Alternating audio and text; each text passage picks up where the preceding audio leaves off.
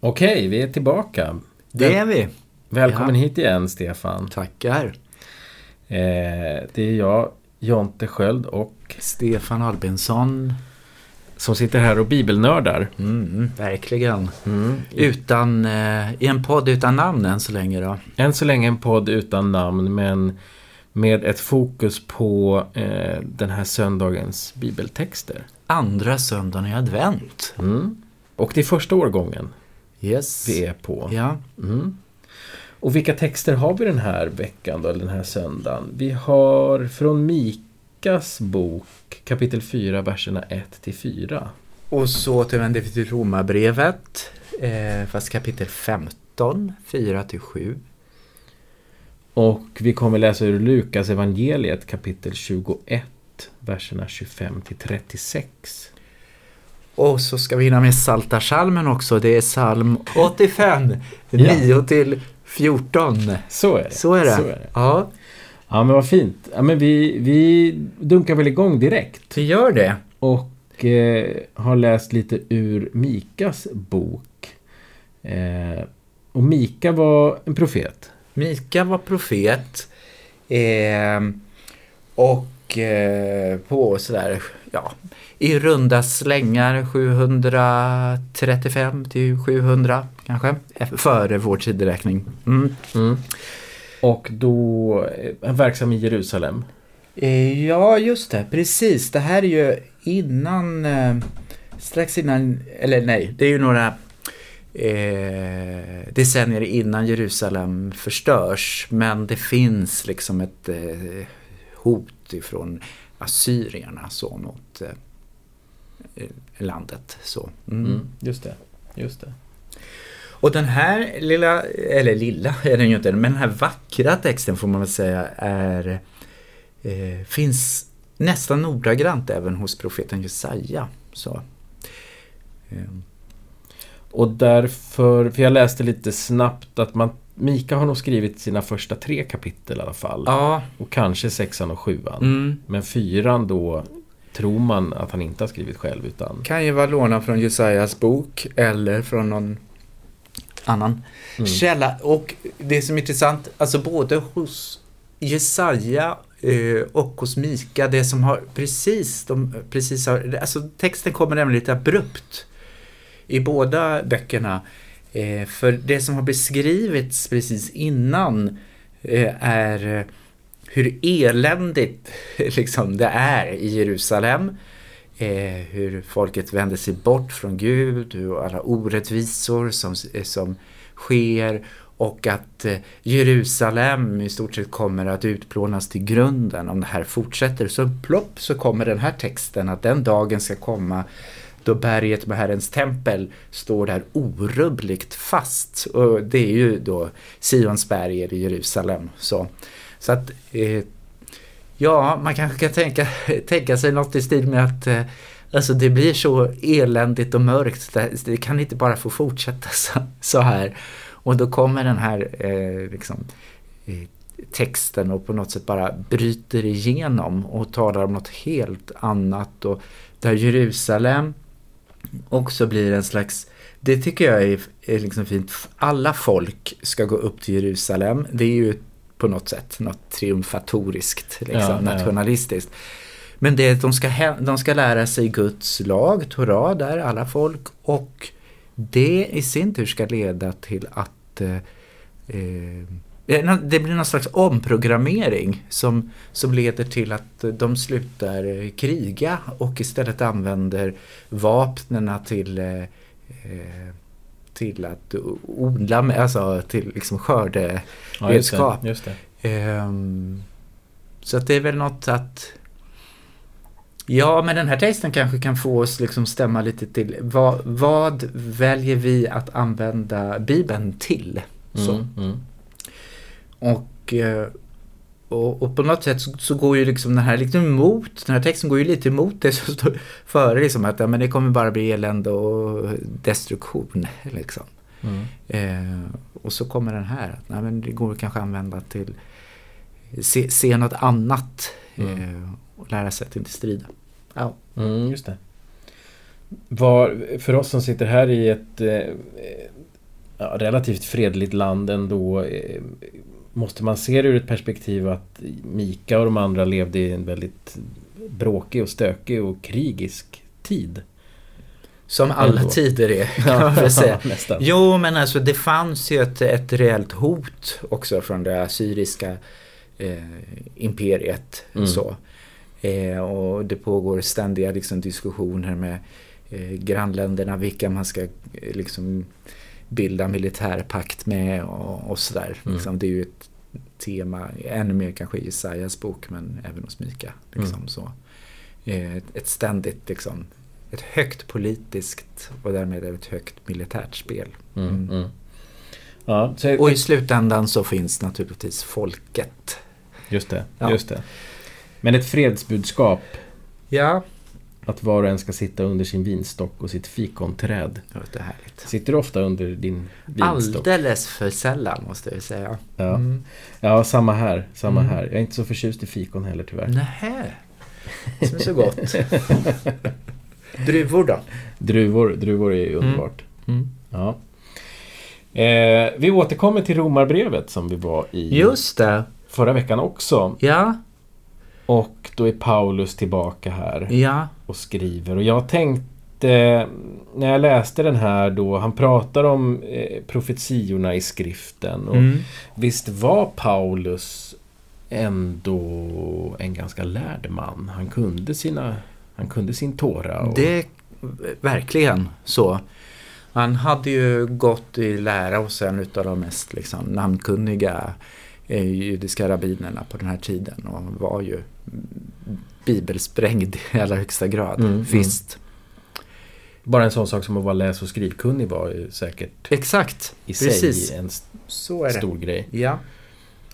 Och vad, tillhörde han någon speciell liksom gren eller sådär ja, innan han... Ja, eh, han var farisé.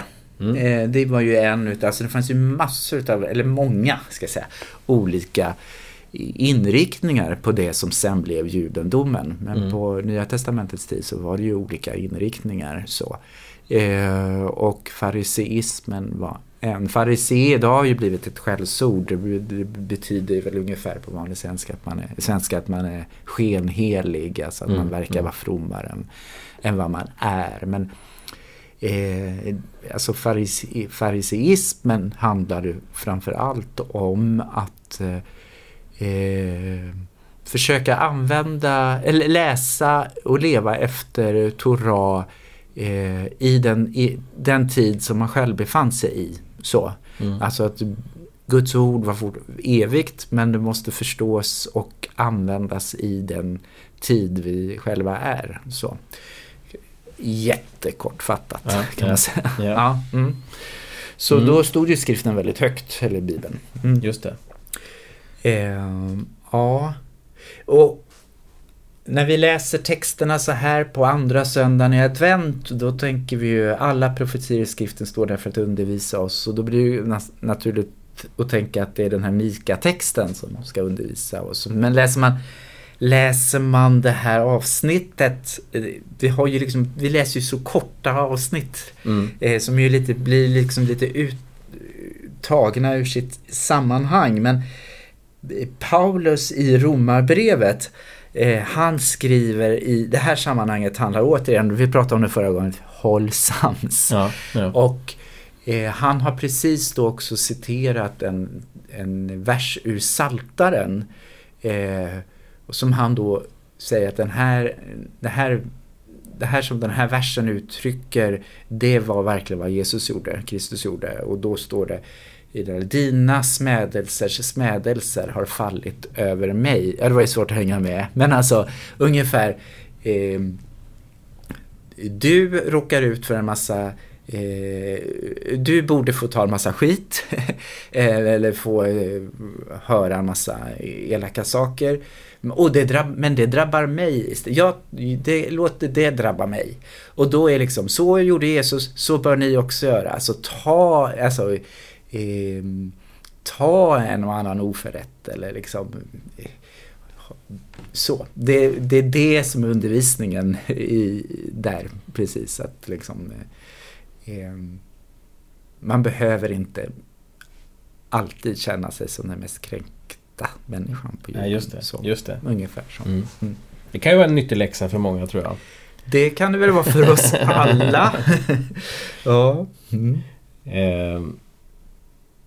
Ja, just det. Ja, men det blir eh, intressant då när man klipper och klistrar så här mellan de olika böckerna Ja. och kan helt plötsligt Ja. få för sig att... Mm. eh, Men det var superintressant att få ett, ett större perspektiv på vad Paulus pratar om där då.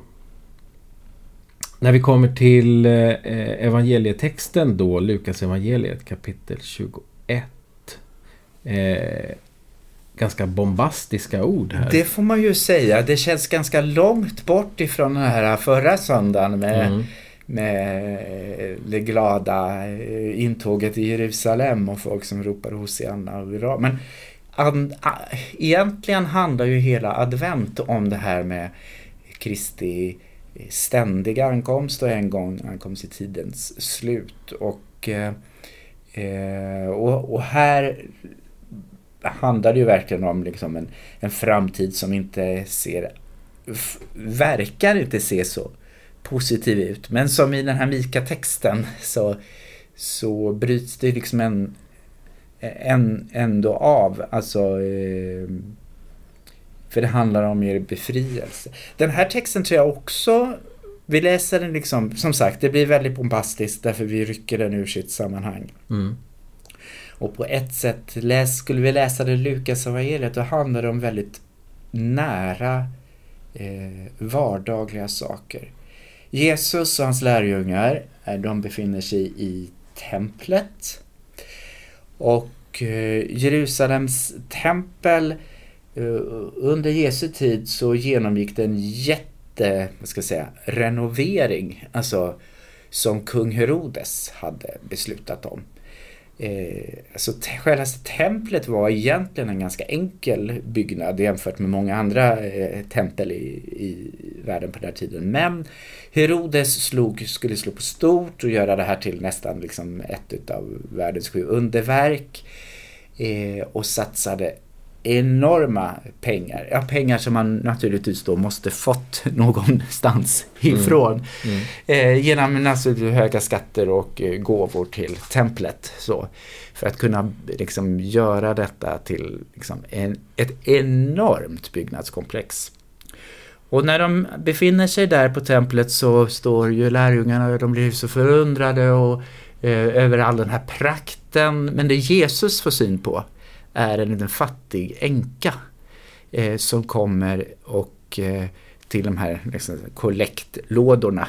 Och där lägger hon ner två små eh, kopparslantar. Det är ingenting. Alltså det kommer ju inte räcka till någon. Alltså det, det skulle kunna kvitta. Alltså Mm, det kommer mm, verkligen göra från eller till. Men Jesus förstår att eh, den här änkan Eh, alltså på den här tiden fanns ju inte överhuvudtaget något socialt skyddsnät eller ekonomiskt skyddsnät. Hon ger det sista hon har. Eh, vilket betyder att när hon eh, sen där går ifrån templet så kommer hon ju, alltså hon har ju inget mer att leva för. Mm. Mm. Eh, så. Eh, och, och då lyfter Jesus upp den här änkan och säger att hon, hon har gett mer än någon annan här. Eh, så. Och då i det där ligger det kanske liksom en kritik, inte av templet eh, i sig, men en kritik av detta liksom överflöd eller överdåd. Alltså som ju inte kanske så mycket handlar om att man skulle ära Gud som att kung Herodes ville göra sig ett namn. Eh, så så egentligen när det sen då talas om att ni ser, alltså ni ser, ser ni inte tecknen? Eh, Okej, okay, han talar visserligen om att det ska visa sig tecken i solen och månen men egentligen finns tecknet där mitt framför ögonen i denna liksom fattiga änka som Mm. ger av sitt eh, allt, inte bara sitt överflöd, allt hon har. Så att hon kommer ju gå hem och svälta ihjäl sen. Liksom. Mm. Eh, vad lägger ni ert fokus på? Vad har ni blicken vid? Liksom? Eh, det är den här änkan ni borde se. Det ger ett litet annat perspektiv till Och, Ja. och då är liksom den här omåttligheten och livets bekymmer och sådär. Att de, ni satsar på fel saker. Satsar på den här änkan och sådana som henne istället. All right. Mm.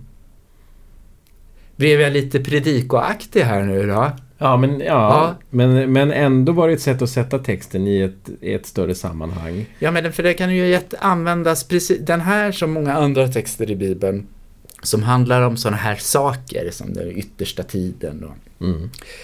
har ju använts också av eh, de som har makten politiskt eller religiöst eller eh, i- idémässigt att, att hålla andra på plats. Mm, så att mm. använda för att, för att eh, skrämma folk till lydnad.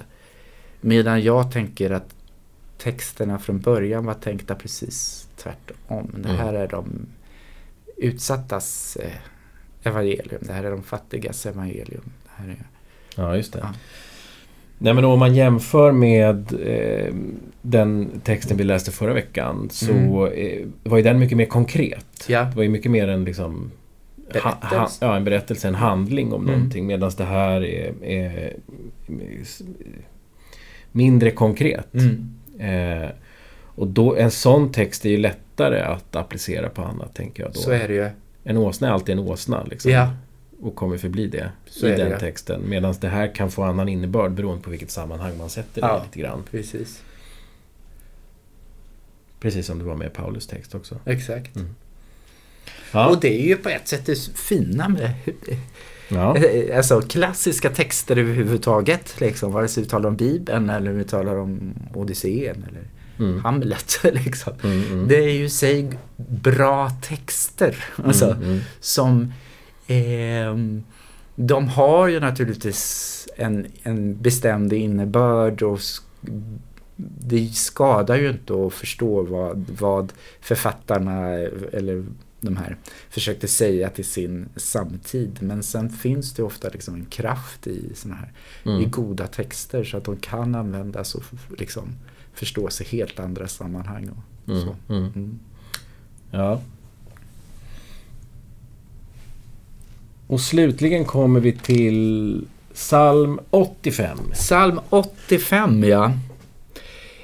Eh, och det här är ju en del av den här salmen. Eh, och här lyfts ju liksom freden och rättvisan fram som ska liksom spira upp i jorden eller trofastheten och, och, och är säkert bland annat vald. Eh, dels med tanke på eh, det vi läste från eh, Lukas evangeliet om fikonträdets eh, vad var det? blomning och, Mm, eller, mm. och knoppning. Mm.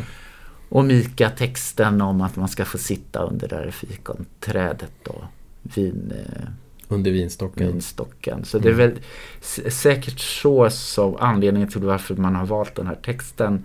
Bland annat. Ehm, Den är ju mycket advent också. den är väldigt mycket advent. Eh, och fred och välgång i hans spår och sådär.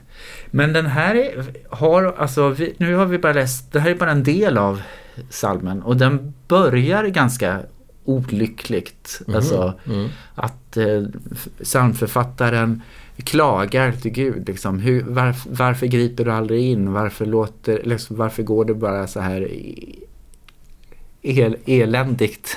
Alltså ungefär som det var där i, i Mika. Liksom. Ja, liksom, det kommer sluta med att Jerusalem blir en ruinhög. Och sen helt plötsligt så, så jag, säger ja, men jag vill ändå lyssna till vad Gud har att säga.